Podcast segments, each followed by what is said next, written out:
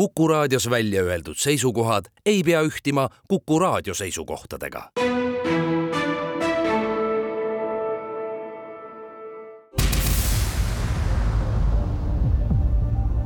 käsi pulsil, pulsil, pulsil, pulsil. Tere päevast, kell on seitse minutit üle üheteistkümnest Kuku stuudios. alustame saadet Käsi pulsil, stuudios on Postimehe arvamustoimetuse autor Martin Ehala. minu nimi on Kalle Muuli ja mul on tiitleid nii palju või nii vähe, et ei oskagi, millist valida neist. no ma arvan, et äramärkimist väärib see seoses saate sisuga, et ma olen Isamaa Erakonna liige aga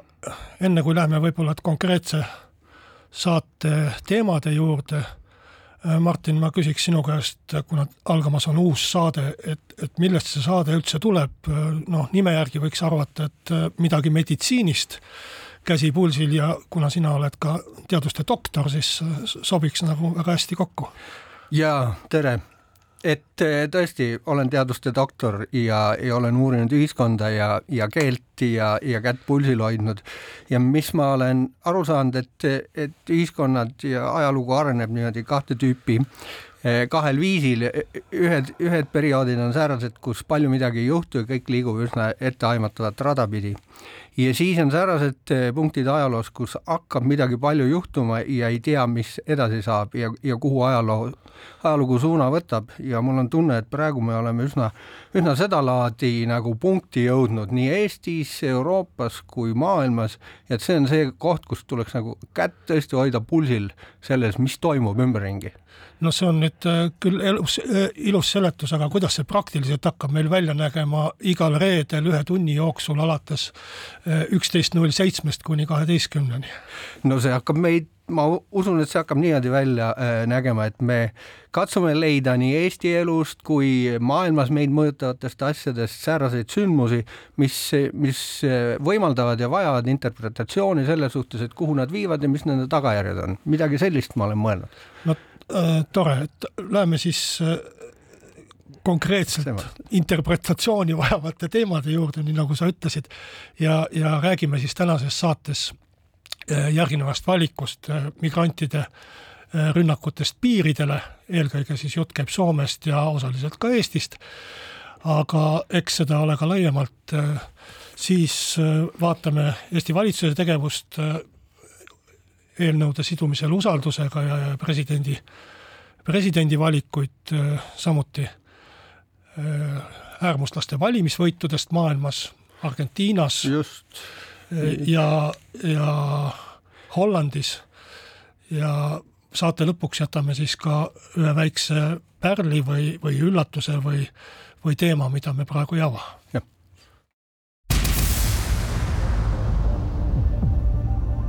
käsi pulsil, pulsil, pulsil, pulsil.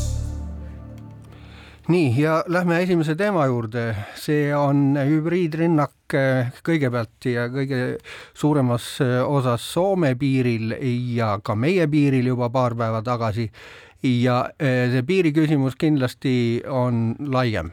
See, see puudutab Euroopa Liidu piiri suuremalt, aga muidugi võtame kõigepealt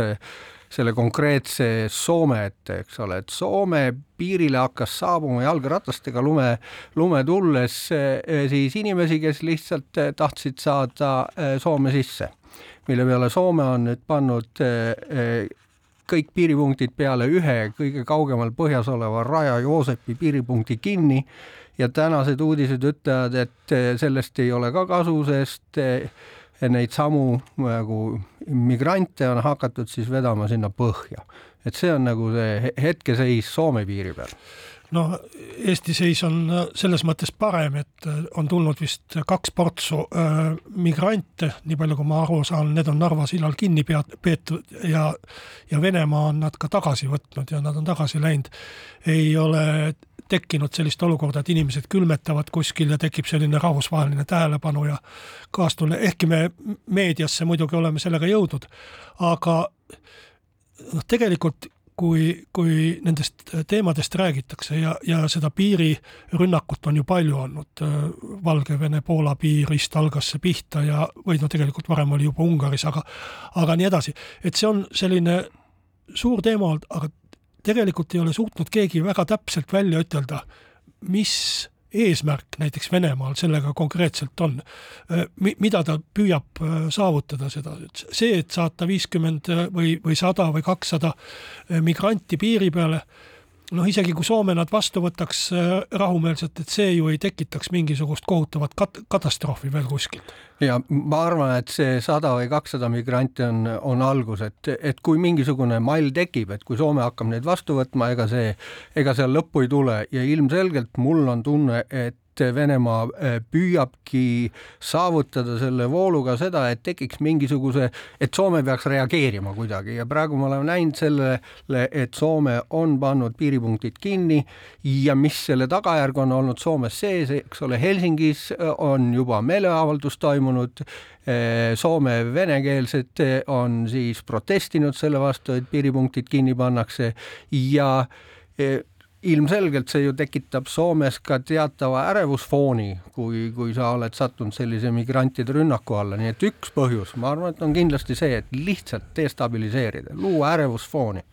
no äh, rünnak on ilmselt Soome vastu suunatud äh, sellepärast, et Soome ärritas Venemaad oma NATO liikme, liikmelisusega, noh, muud me ei oska ilmselt pakkuda, aga aga kui vaadata nüüd Eesti poole, et Eesti siseminister on äh,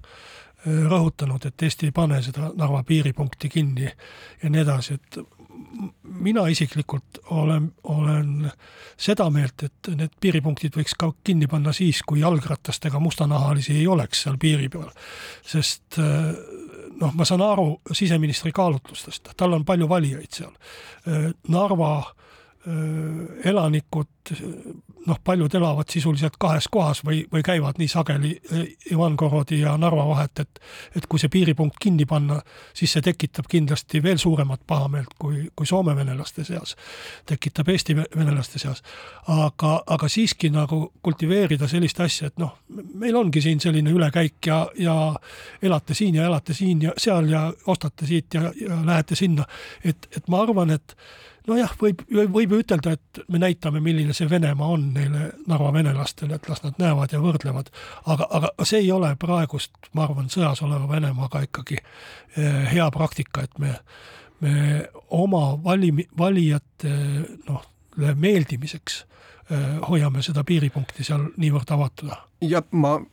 ma olen natukene võib-olla leebem selle koha pealt, et ma arvan seda, et selle piiripunkti jõuab kinni panna ja, ja selline samm kindlasti noh, on mingis mõttes nagu kasutada sõna eskaleerimine, eks ole, sa teed mingisuguse sammu äh,, muudad midagi senises praktikas, põhjendad seda ja kui ja selleks, et seda teha, on hea, kui sul on väga hea ettekääne või mitte ettekääne, vaid sul on nagu reaalne põhjus. nii et seetõttu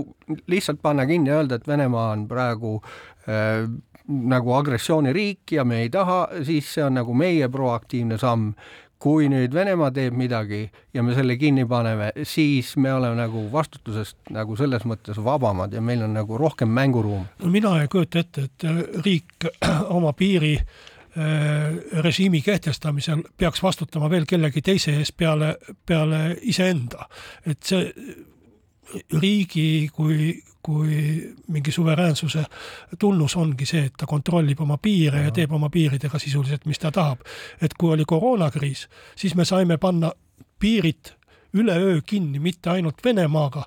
vaid veelgi enam Soome ja Lätiga ja polnud mingit probleemi, Eesti inimesed ei saanud isegi Poolast läbi sõita, nii kõvasti olid, aga seal muidugi oli see argument olemas, et ja. mingi viirus on tulemas ja, ja nii edasi.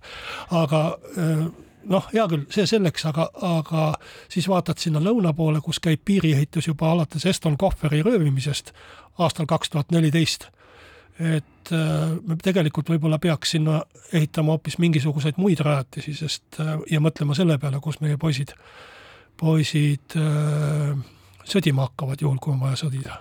ja selles osas ma olen täiesti sinuga sama, sama meelt, et see piirikindlustuste väljaehitamine peaks nagu käima täie hooga ja veel kiiremini, kui ta on käinud. ja see on koht ka, kus ma arvan, et nagu selline Euroopa solidaarsus on nagu oluline, sest me oleme välispiiril, kõik ei ole välispiiril ja mõnel hetkel võib olla see hetk, kui meil on väga tugevasti tuge vaja nii et selles mõttes jah, siin peab Euroopaga kokku hoidma, on, on minu samas mõte. ma ei näe nagu väga selliseid aktiivseid samme valitsuse poolt, et tõesti pean ütlema, et äh, anti kolm miljonit, kolm miljonit. Mm,, noh, see on see summa vist, mis äh, sulas meil ära kuskil äh, vaktsiinide laos mõni aasta tagasi. ja, ja veidi väiksem summa, kui lendas tuulde haridusministri ebaõnnestunud mingisuguse testihankega, et kolm miljonit anti järgmiseks aastaks valitsuse poolt piirirajatiste ehitamiseks juurde et see on siis see kogu panus, mis, mis, mis meil on panustada sellesse. noh, ma ei tea, minu meelest me võiksime neid asju ikka nagu tõsisemalt võtta kui see, et, et kolme miljoni kaupa pudistame sinna piiri peale midagi. no ma usun, et see Soome so-, rünnak Soome vastu, hübriidrünnak Soome vastu paneb äkki nagu jalgu kõhu alt välja võtma meil siit ka, nii et, et loodetavasti. Mida sa loodad, kui, kui riigieelarve on, on Riigikogus ja, ja peaminister ütleb iga küsimuse peale, mis talle esitatakse, et äh, jõuluvana ei ole olemas, raha ei ole olemas, mitte midagi ei ole olemas, mitte midagi teha ei saa. et see on tegelikult nagu, nagu koht, kus äh, tuleks seda raha siis laenata, teha mis iganes, et see on riigi püsimise ja suveräänsuse koht, siin ei, siin ei ole seda, et nüüd säästsime kakskümmend miljonit ja, ja pärast oleme õnnelikud. no meil jääb loota, et, et siis pakane ei tule nii karm, et, et inimesed saavad üle Peipsi jää hakata tulema, et seal samal ajal kui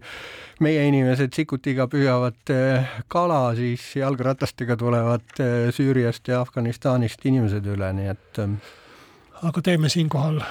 reklaamipausi. käsi pulsil. pulsil, pulsil, pulsil. jätkame saadet Käsi pulsil. stuudios on Martin Ehala ja Kalle Muuli. lõppeval nädalal pidas Riigikogu jälle ööistungeid, hoolimata sellest, et äh, valitsus sidus eelnõud mida arutati usaldusega ja, ja see on selline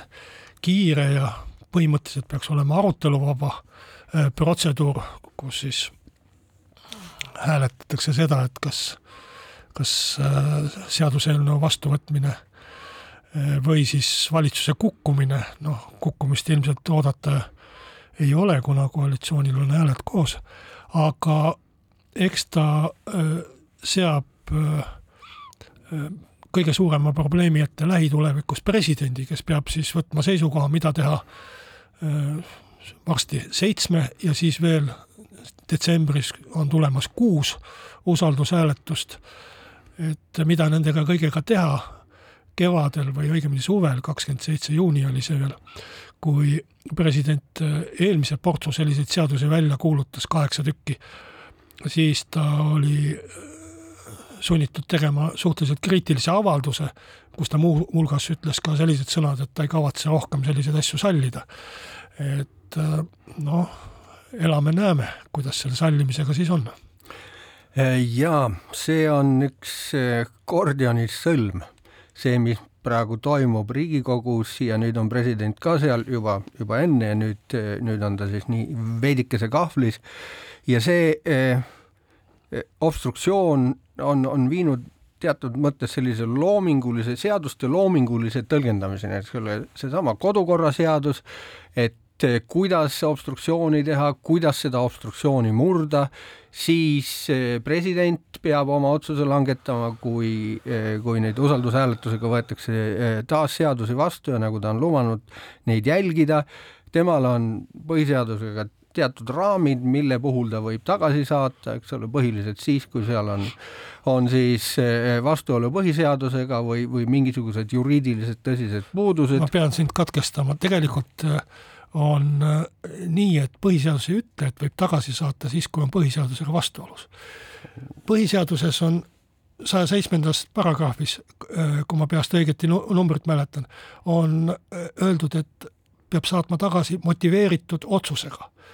ei ole öeldud, mis motiivid peavad olema. noh, ma kujutan ette, et president ei saada tagasi sel motiivil, et mul oli täna hommikul halb tuju ja mm., ja saadan tagasi, kirjutan sellise motivatsioonikirja. aga motiveeritud otsusega ja tegelikult Eesti praktikas on presidendid saatnud ka tagasi nii, et nad ei motiveeri seda põhiseadusega öö, otseselt. küll on nii, et teist korda, kui nüüd tuleb Riigikogust tagasi seesama seadus ja president tahab kaevelda Riigikohtusse, vaidlustada selle, siis ta saab äh, argumenteerida ainult äh, põhiseadusega. nii et Kaja Kallase peaministri eilne väide, et äh, president saab ainult põhiseaduse vastuolu korral tagasi saata, ei pea paika kui sa nii ütled, siis on muidugi presidendil mänguruum üsna suur, sest, ehm, sest mingisuguse ja küllaltki hea põhjenduse leiab eh, tõenäoliselt kindlasti eh, mõnede seaduste tagasisaatmiseks, nagu ta on öelnud, et ta saadab ehk tagasi neid, mis ei ole seotud otseselt riigieelarve vastuvõtmisega, nii et isegi kui ma saan aru, et sinna on seadustesse pandud selliseid väikseid nõkse sisse, millega saab öelda, et nad on nüüd kangesti riigieelarvega seotud, on see ikkagi nagu tõlgendamise Eh, noh, kolmteist seadust ja ma tõesti ei ole kõiki neid või eelnõud, kõiki ei ole läbi vaadanud ja, ja mis seal täpselt on, aga sageli tehakse ka seda, et ühe seaduseelnõu sappa. eh, riputatakse mingite parandusettepanekute kaudu sisuliselt teine seaduseelnõu ja, ja selliseid asju küllap leidub nende kolmeteistkümne seas eh, küll ja küll et, et väga raske on ütelda, mis sealt on põhiseadusega, mis sealt ei ole põhiseadusega, aga eks presidendi juristid peavad siis nagu, nagu äh, uurima ja vaatama ja mis üldse riigieelarvega sealt seotud on. ja see on väga huvitav mõelda, et kuhu see asi välja areneb, eks ole, tõenäoliselt president üritab äh, nagu olla mm, nagu keset põrandat, eks ole, selles mõttes, et mitte, mitte võtta kõike vastu, mis valitsuselt tuleb, võib-olla mitte olla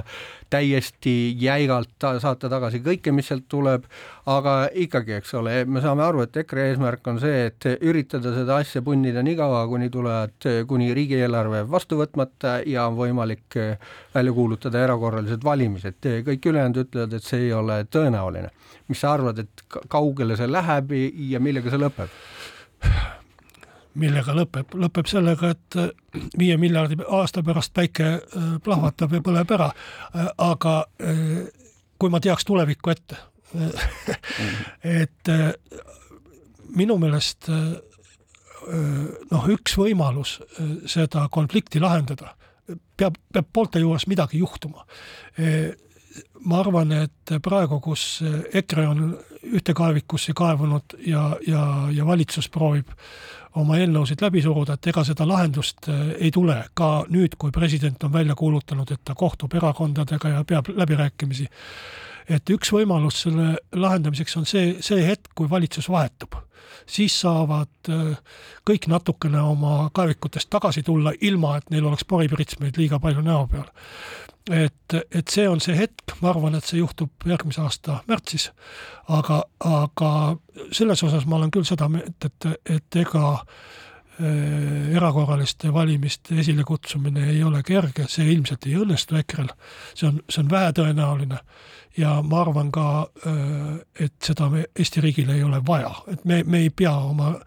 oma äh, riiki muutma ebastabiilseks, kus ka edaspidi hakatakse tekitama selliseid patiseise lihtsalt siis, kui sul on äh, valimisteks soodusolukord, äh, blokeerime Riigikogu töö ära. jaa, no ma arvan, et siin ei ole midagi ebastabiilseks muuta, et tegelikult see olukord ongi ebastabiilsus praegu juba. et seda ei saa normaalseks pidada ja mingisugust lahendust on vaja, aga tõesti, küsimus on nüüd selles, et kogu see nagu vastastikune nagu pingete kruvimine kas see pingete kruvimine tõesti võib järgi anda, kui nüüd Reformierakond teeb lihtsalt äh, uue valitsuse, äh, kas te, kellega ta selle siis teeb, kas ta võtab kedagi opositsioonist või? seda, seda ma ei tea, aga ma võin näiteks sulle ütelda, et äh, Reformierakonnal või õigemini Kaja Kallasel on see ju kolmas valitsus juba järjest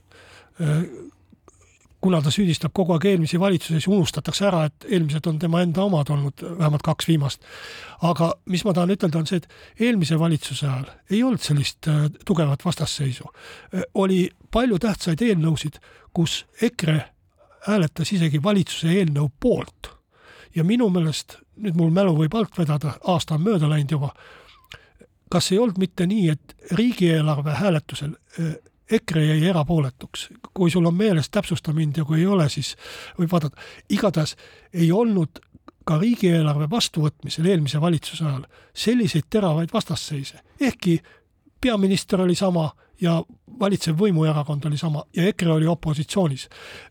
mida ma tahan ütelda, et see, see tegelikult olukord on, on lahendatav ka nii, et Reformierakond on võimul ja EKRE on opositsioonis, et see ei ole nagu äh, kivisse raiutud ja maasse kaevatud jah, küsimus on selles, et kas meil on siin tegu sellise olukorraga nagu üks halvaks läinud abielu lahutus, kus pooled enam ei suuda mingis kombinatsioonis läbi rääkida. sest eh, küsimus on selles, et kui nüüd Kaja Kallas teeb uue valitsuse, kas EKRE selle uue valitsusega Kaja Kallas ei tee uut valitsust okay. Siis eh, minu jutu või... eeldus ja mõte oli see, et, et Kaja Kallas ei tee uut valitsust. et siis kuni märtsini, millal sa arvad, et eh, siis Kaja Kallas ei ole enam nii-öelda Reformierakonna juht ja peaminister, et siis, siis tekib mingi lahendus või, või kuidas see asi üldse sinna läheb no,? et kas ta läheb Euroopasse või? see on minu äh, nägemus ja ettekujutus, mis võib valeks osutuda. Äh, ma isegi ei oska tõenäosust pakkuda, kui suure tõenäosusega ma seda pakuksin, aga minu ettekujutus on see, et äh, Reformierakond loodab sellest olukorrast välja tulla nii, et Kaja Kallas astub tagasi, tulevad Europarlamendi valimised, sügisel läheb Kaja Kallas ära Euroopa Komisjoni, talle tekitatakse valitsuse poolt koht ja pannakse uus peaminister, moodustatakse uus valitsus, võib-olla seal vahetatakse mõned liikmed ka välja, aga ma ei usu, et vahetataks valitsuskoalitsiooni erakondi. et täitsa võimalik, et Mart Võrklaev on ka oma töö ära teinud ja läheb Riigikogu pingile istuma. ja sellega püütakse siis öelda, et noh, nad võtsid ka oma kõik selle koorma ja patud kaasa ja, ja nüüd on meil uus valitsus ja elame sõpradena edasi. mis, mis võim on sellel Kaja Kallasel, et Reformierakond ei suuda nüüd seda puhastust läbi viia ja, ja ootab sellega veel mingisugune aga võib-olla tahetaksegi, et ta võtaks kogu koorma endaga kaasa. et see on, see on üks äh, variant, mida, mida tegelikult on ka enne Reformierakonnas äh, niiviisi mängitud. ütleme no., Andrus Ansipi lahkumine oli ka selline, et, äh, et aastal kaks tuhat neliteist äh, muutus kõik nagu päevapealt, tollal ajal küll vahetati ka valitsuskoalitsiooni jah, et see, et nad ei tee sisepuhastust, vaid üritavad kuidagi head nägu teha, õlale patsutada ja niimoodi kõiki olukordi ära lahendada, ma arvan, et see nende usaldusväärsust küll ei tõsta. no minu teooriat ei maksa võtta kui sündinud fakti, rõhutan no. ma veel kord, aga, aga ma tahaks selle teema äh, lõpetuseks või, või, või lõpu eel rõhutada ühte asja me peame, kui me räägime, et kuidas see lõpeb, võiks ju vaadata ka, kuidas see algas. ja see algas aastal kaks tuhat üheksateist sellest, et Reformierakond jäigalt vastandus EKRE-le. meie teiega koostööd ei tee. sellist asja demokraatias ei peaks olema, et viiendikuga rahvast ei tehta koostööd, need on valijate esindajad ja sa võid nendega mitte valitsust moodustada, aga et sa ütled, et me ei räägi sinuga läbi, me üldse ei arvesta sinuga, see paratamatult läheb samm-sammult hullemaks, kuskilt sealt pääsu ei ole, demokraatia eeldab koostööd ja kui sa selle välistad, siis sa saadki selle olukorra, mis praegu on. pärast kahe tuhande kahekümne kolmanda aasta vali-, valimisi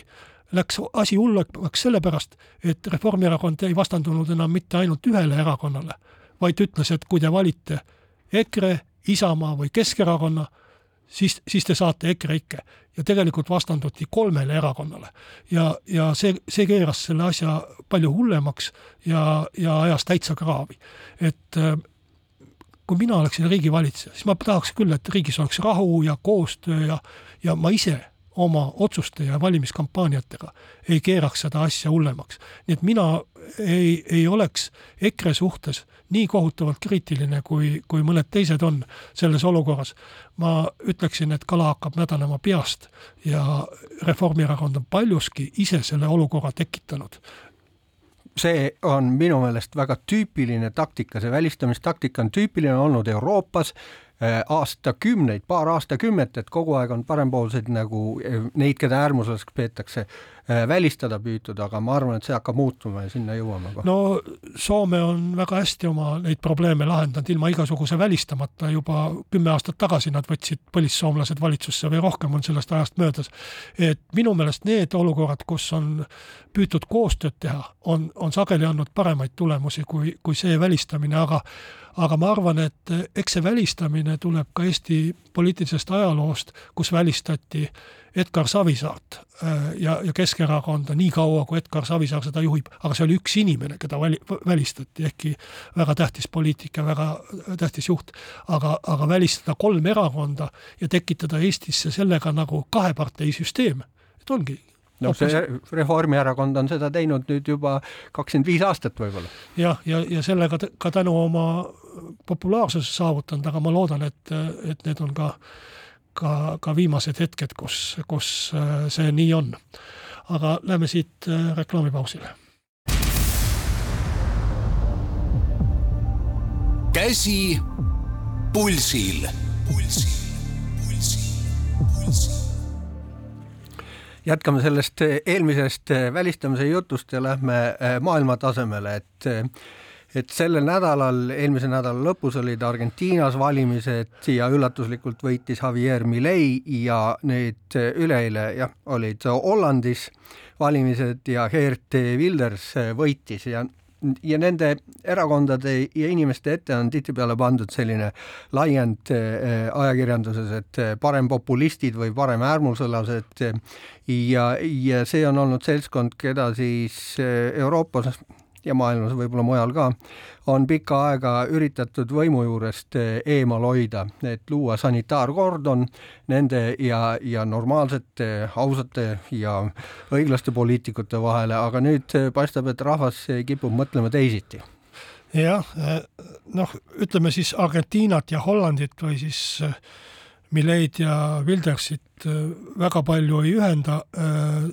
Argentiina põhjused nii halvasti või hästi, kui ma sellega kursis olen, on ikkagi majanduslikud aastaid kestnud peronistlik vasakpoolne poliitika, mis on noh, majanduse korduvalt ja korduvalt tuksi keeranud. Ja, ja Hollandi põhiprobleem või see, miks, mis on Wildersi põhiloosungid, on ikkagi migratsioon, migrats-, migrant, migratsiooni, migrantide äh, Äh, sissepääsu lõpetamine ja, ja nende mõju vähendamine. et äh, aga, aga minu meelest nende ühendavaks asjaks on, on pendel. see, et äh, teatud hetkel ühte serva või, või ühele poole nihkunud pendel tuleb väga suure hooga teise seina tagasi ja, ja ja mingil hetkel see rahva kannatus kerkib äh, nii suureks, et seda isegi ei osata oodata, sest kui sa paned tähele kõikide selliste sündmuste puhul nagu, nagu need niinimetatud parempopulistide, ma ei tea, kuidas neid tituleerida iganes, äh, võimuletulekut või val-, valimisedud on olnud, äh, ikka öeldakse, et ootamatu ja ootamatu. ma pigem ütleksin, et see on väga ootuspärane, et sellised asjad juhtuvad, kui, kui pikka aeta, aega aetakse mingit äh, ütleme, äh, sellist äh, rahva ja. ootustega mittevastavat poliitikat nojah, see, see ongi nii, et täpselt milline on su nii-öelda maailmavaateline suhtumine, et kui sa oled nagu suhtud ajalukku kui pidevasse progressi et sellisel puhul on see muidugi ootamatu, sest see on tagasiminek sinna, mis oleks pidanud juba olema täiesti läbi, mis ei oleks tohtinud tagasi tulla. kas sa tahad ütelda, et Euroopa üle, üleujutamine moslemite või mustanahalistega on progress? no kuulge, aga seda on ju paarkümmend aastat kogu aeg räägitud, seesama äh, multikulturalismi eh, poliitika, ideoloogia, selle ilustamine, selle talentide sõna kasutamine kõigi nende kohta, kes eh, siia tulevad ükspuha mis põhjustel, et see ju ilmselgelt näitab, et see on nii-öelda ideoloogiliselt ilustatud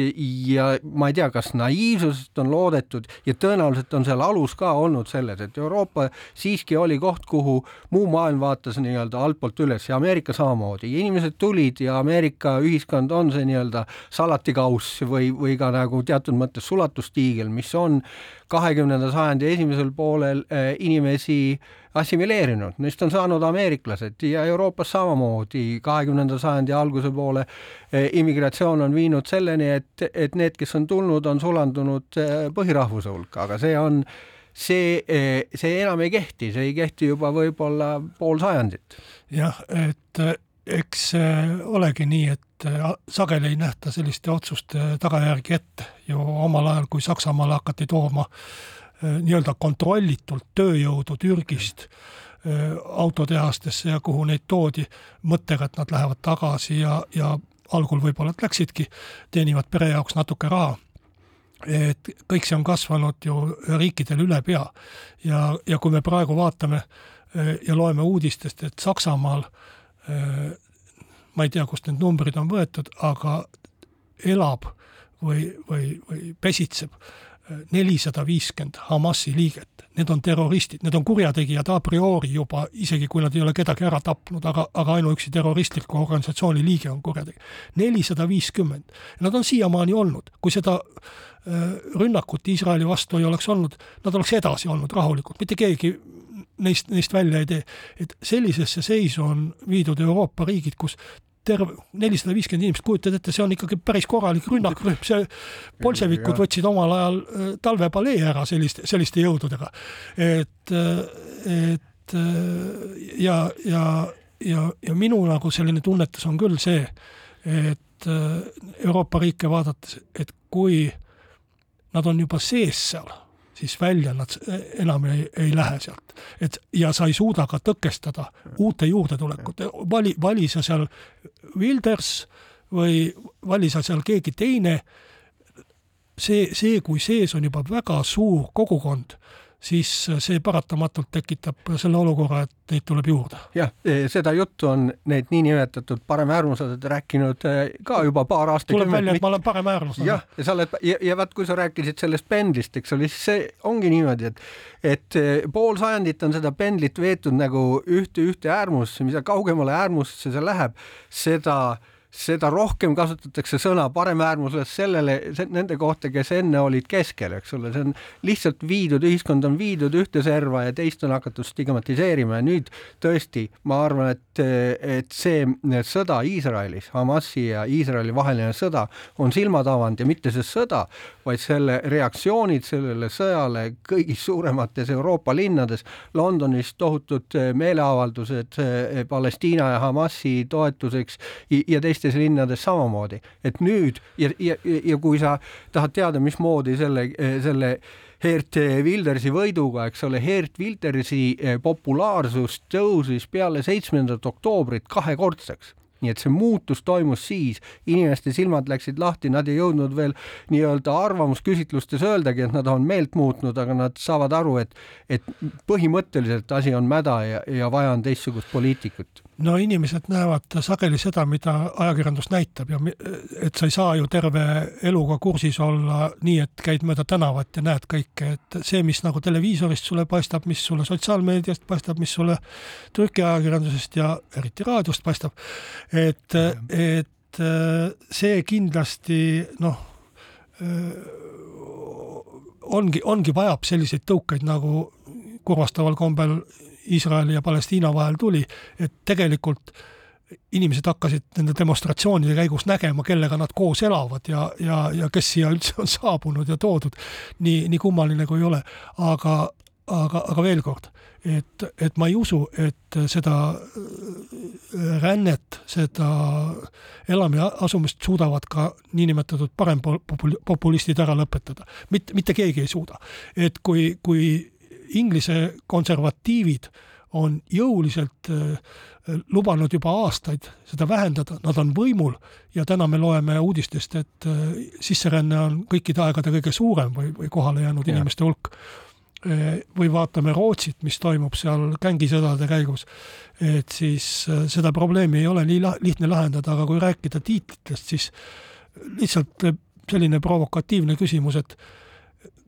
mis sulle tundub äärmuslikum, kas see, kui Wilders ütleb, et äh, ei enam ühtegi migranti Hollandisse või tundub sulle äärmuslikum see, kui Angela Merkel ütleb, et võtame kõik vastu, kes tulevad? Minu meelest on Angela Merkel olnud äärmuslane selles mõttes ja eh, ma olen sinuga nõus, et eh, ühiskonna hoiakud muutuvad ja see, kui sina ütled, Angela Merkel on olnud äärmuslane, siis mõnda aega tagasi tõenäoliselt oleks võib-olla mõnes riigis see, see klassifitseerinud vihakõnena ja sa oleks kas tühistatud või, või midagi hullemat vastu võtnud. no nii kaua ma veel räägin, kui Eesti parlament ei ole seda seadust vastu võtnud. ja ma arvan, et peale seda, mis nüüd juhtub, need seadused lähevad prügikasti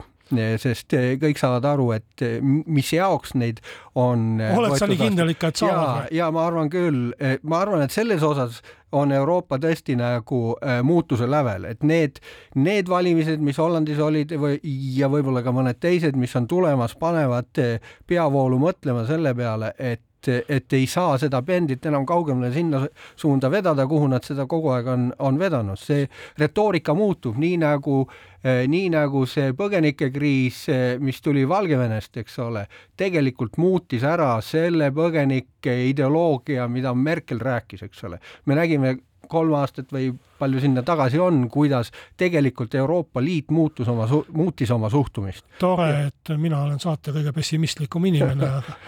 aga teeme veel ühe reklaamipausi. käsi pulsil. pulsil, pulsil, pulsil. jätkame saadet stuudios Martin Ehala ja Kalle Muuli mõtlesime seda saadet kavandades äh, Martiniga, et peaks jätma saate lõpuks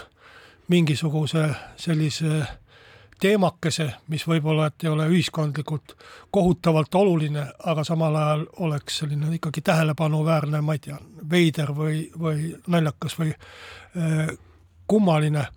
või, või kuidas sina, Martin, seda üldse ette kujutasid, sina seda pakkusid? Äh, jah, ma mõtlesin korra, et kunagi oli selline äärmiselt nagu äh, äh lõbus saade nagu Ärapanija, mis oleks praegu täiesti poliitiliselt ebakorrektne. Äh, ja isegi kui ma ei tahaks äh, neid aegu tagasi, kus niimoodi ära pandi, ikkagi aeg-ajalt äh, juhtub, juhtub ühiskonnaelus asju. peame vaidlema, mina, mina nagu tahaks tagasi tahaks tagasi. no vot, siis see on nüüd koht, kus me saame seda natukene tagasi nihutada. aga kui nüüd vaadata siis nädalale tagasi ja ja, ja, ja mõtelda selle nädala pärli peale, mis see sinu meelest siis võiks olla? Ehm, no Kaja Kallas on öelnud asju, mille põhjal võiks arvata, et kas ta plaanib siis uut karjääri stand-up koomikuna või, või mis, nii et, et ma arvan, et sealt võiks see tulla äh,. arvatakse, et järgmine NATO peasekretär võiks tulla mõnest uuemast riigist, samuti riigist, kes kulutab kaitsele vähemalt kaks protsenti SKP-st oleks ka kena, kui ta oleks naine, seega on loogiline, et see peaks olema Mark Rutte absoluutselt crazy, eks ole, selles mõttes, et juba jälle Eesti eh, nii-öelda valitsuse liige solvab välismaa, välismaa eh, kolleegi, eks ole, ja, ja ma ei, ma ei taha nagu, eks ole, naisterahva kallal, eks ole, mina kui jõupositsioonil valge heteromees siin nüüd hakkan nagu naiste, naiste kallal võtma. ma parem meelelt umbes nagu räägiks, et, et see oleks nagu Mart Helme, eks ole, Mart Helme ütles Rutte kohta niisuguse asja, see on tohutult häbiväärne, kuidas me lubame sellist asja kolleegide kohta nii-öelda? no äh, tõsised analüütikud äh, tuletasid sellest, et, äh, et Kaja Kallas tahab saada NATO peasekretäriks, mina ütleks vastupidi, et selline avaldus on märk sellest, et Kaja Kallas on lootuse kaotanud ja, ja, ja see valimine on lõppenud, ühesõnaga, et Rute on juba välja valitud ja nüüd need, kes ilma jäid kohast, need virisevad, sest on ju selge, ma arvan, et Kaja saab ise ka seda, sellest aru, et kui ta sellise asja välja ütleb, siis see vähendab tema šansse, mitte ei suurenda tema šansse. jaa, sul, sul võib olla nagu äh, ratsionaalselt mõeldes õigus, aga nüüd küsima peab, et kas Kaja Kallas on üleüldse nagu äh, kas tema reaalsustaju läheb reaalsusega kokku või, või ta elab juba mingisuguses teises maailmas, kus, kus ta põletab kõiki sildi, sildu, mis, mis tema ümber on? no ma arvan, et, et ta teadlikult ei põleta neid sildu, et äh, alateadlikult või? Äh, pigem äh, jah, mul on selline tunne, ma võin oma isiklikku tundeid ju siin väljendada natuke, mul on selline tunne, et ta lihtsalt ei suuda kontrollida seda, mida ta ütleb, et ta on emotsionaalselt üles köetud või?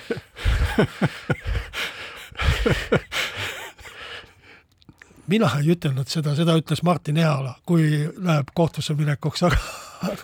aga et varem juhtus tal selliseid asju, no ütleme niiviisi, kord kahe-kolme kuu tagant, kus ta ütles, et näete, ma tunnen ühte pensionäri, kes saab väga hästi hakkama, see on minu isa. ja, ja siis oli selline ühiskondlik lainetus ja siis oli selge, et tal, talle loeti sõnad peale ja kolm kuud ta enam ei ütelnud ühtegi äh, kummalist nalja või, või kummalist võrdlust ei toonud. aga kui sa vaatad nagu viimast aega, siis enam ei ole mitte kord nädalas selline jama, äh, vaid äh, juba mitu korda nädalas, et, et kui me eelmisest nädalast võtame, siis mitte ainult Mart Otet äh, äh, ei saadetud äh, kuskile kaugele orbiidile, vaid isegi jõuluvana solvati ära. kusjuures ta ei jäta seda asja, ta tuli jõuluvana juurde tagasi ta tuli tagasi. tal on ja..., tal on õigus, peaministril on õigus, jõuluvana ja. ei ole olemas no.. jah, ja tema on ainukene inimene, kes ei ole valetanud. lastele, lastele, lastele., et see selles mõttes on, on kahtlemata äh, Äh, tegu äh, erakordse nagu sellise noh, ma isegi ei oska ütelda, mis asi see on, et ta hakkab nagu meenutama seda oma antipoodi. omal ajal oli ju äh, nii, et et alati igal esmaspäeval pidi Jüri Ratas vabandama, sellepärast et Mart ja Martin Helme olid äh, midagi teinud, midagi teinud ja midagi ütelnud ja just nimelt ütelnud. jooksku Rootsis või Soome köögitüdruk või määrike kõhuga, kõh-, kõhtu hanerasvaga. et nüüd sisuliselt me saame sedasama asja kuulda peaministri tasandil, ainult et keegi ei käi vabandamas ega torte saatmas enam. kes, kes peaks vabandama praegu? kes, kes võtaks selle rolli, et ta vabandab peaministri väljaütlemiste eest? ma kas president peaks äkki nagu võtma hea vanaisa rolli ja, ja kuidagi reageerima? Jah keeruline ütelda, minu meelest äh, võib-olla seda on liiga palju üteldud, et seda veel korra korrata, aga, aga see riigivalitsemine kisub meil juba täitsa piinlikuks kätte, ka selleta, see, ka ilma selleta, et Riigikogus oleks obstruktsiooni. ka, ka muidu, kui sa vaatad kogu neid esinemisi, kogu seda käitumist, kuidas äh, õpetajatesse suhtutakse, kuidas üht või teist arrogantset avaldust tehakse, et see on no ilmselt tundub, et kogu suhtlusfoon on muutunud, äh, muutunud ikka äh, palju äh, räigemaks, et, et ei saa öelda, et Kaja Kallas on ainukene, kes nagu hüppab välja, et, et ikkagi Riigikogu on ka. noh, ma ei oska sulle nagu selle koha pealt vastu vaielda, et, et Riigikogu vastasseis on hoopis teistsugune, et seal ei ole nagu ma mõtlen retoorikat, eks ole, retoorika tegelikult on suhteliselt räige Äh, retoorika läks täpselt samal ajal ju äh, räigeks, kui, kui see lõputu vastasseis seal tekkis. No,. alguses oli see ühekordsed ütlemised, ühekordsed solvangud, mis iganes, aga, aga ta kerib lumepallina. Ja, ja ma arvan, et see lahendus on ikkagi on ikkagi märtsikuus, sellest, mida ma alguses rääkisin, sinna me ka saate lõpuks jõuame. ma olen siin pessimistlikum, see tundub nagu olevat kerinud ennast nii puntrasse, et, et ma ei ole nii optimistlik, et märtsikuus plaks ja parem käsi ja kõik korras. aga lõpetame sellega meie saate siinkohal ära. stuudios olid Martin Ehala ja Kalle Muuli, käsi pulsil järgmisel reedel. noh, üksteist läbi, seitse minutit umbes käsi pulsil. pulsil, pulsil, pulsil, pulsil.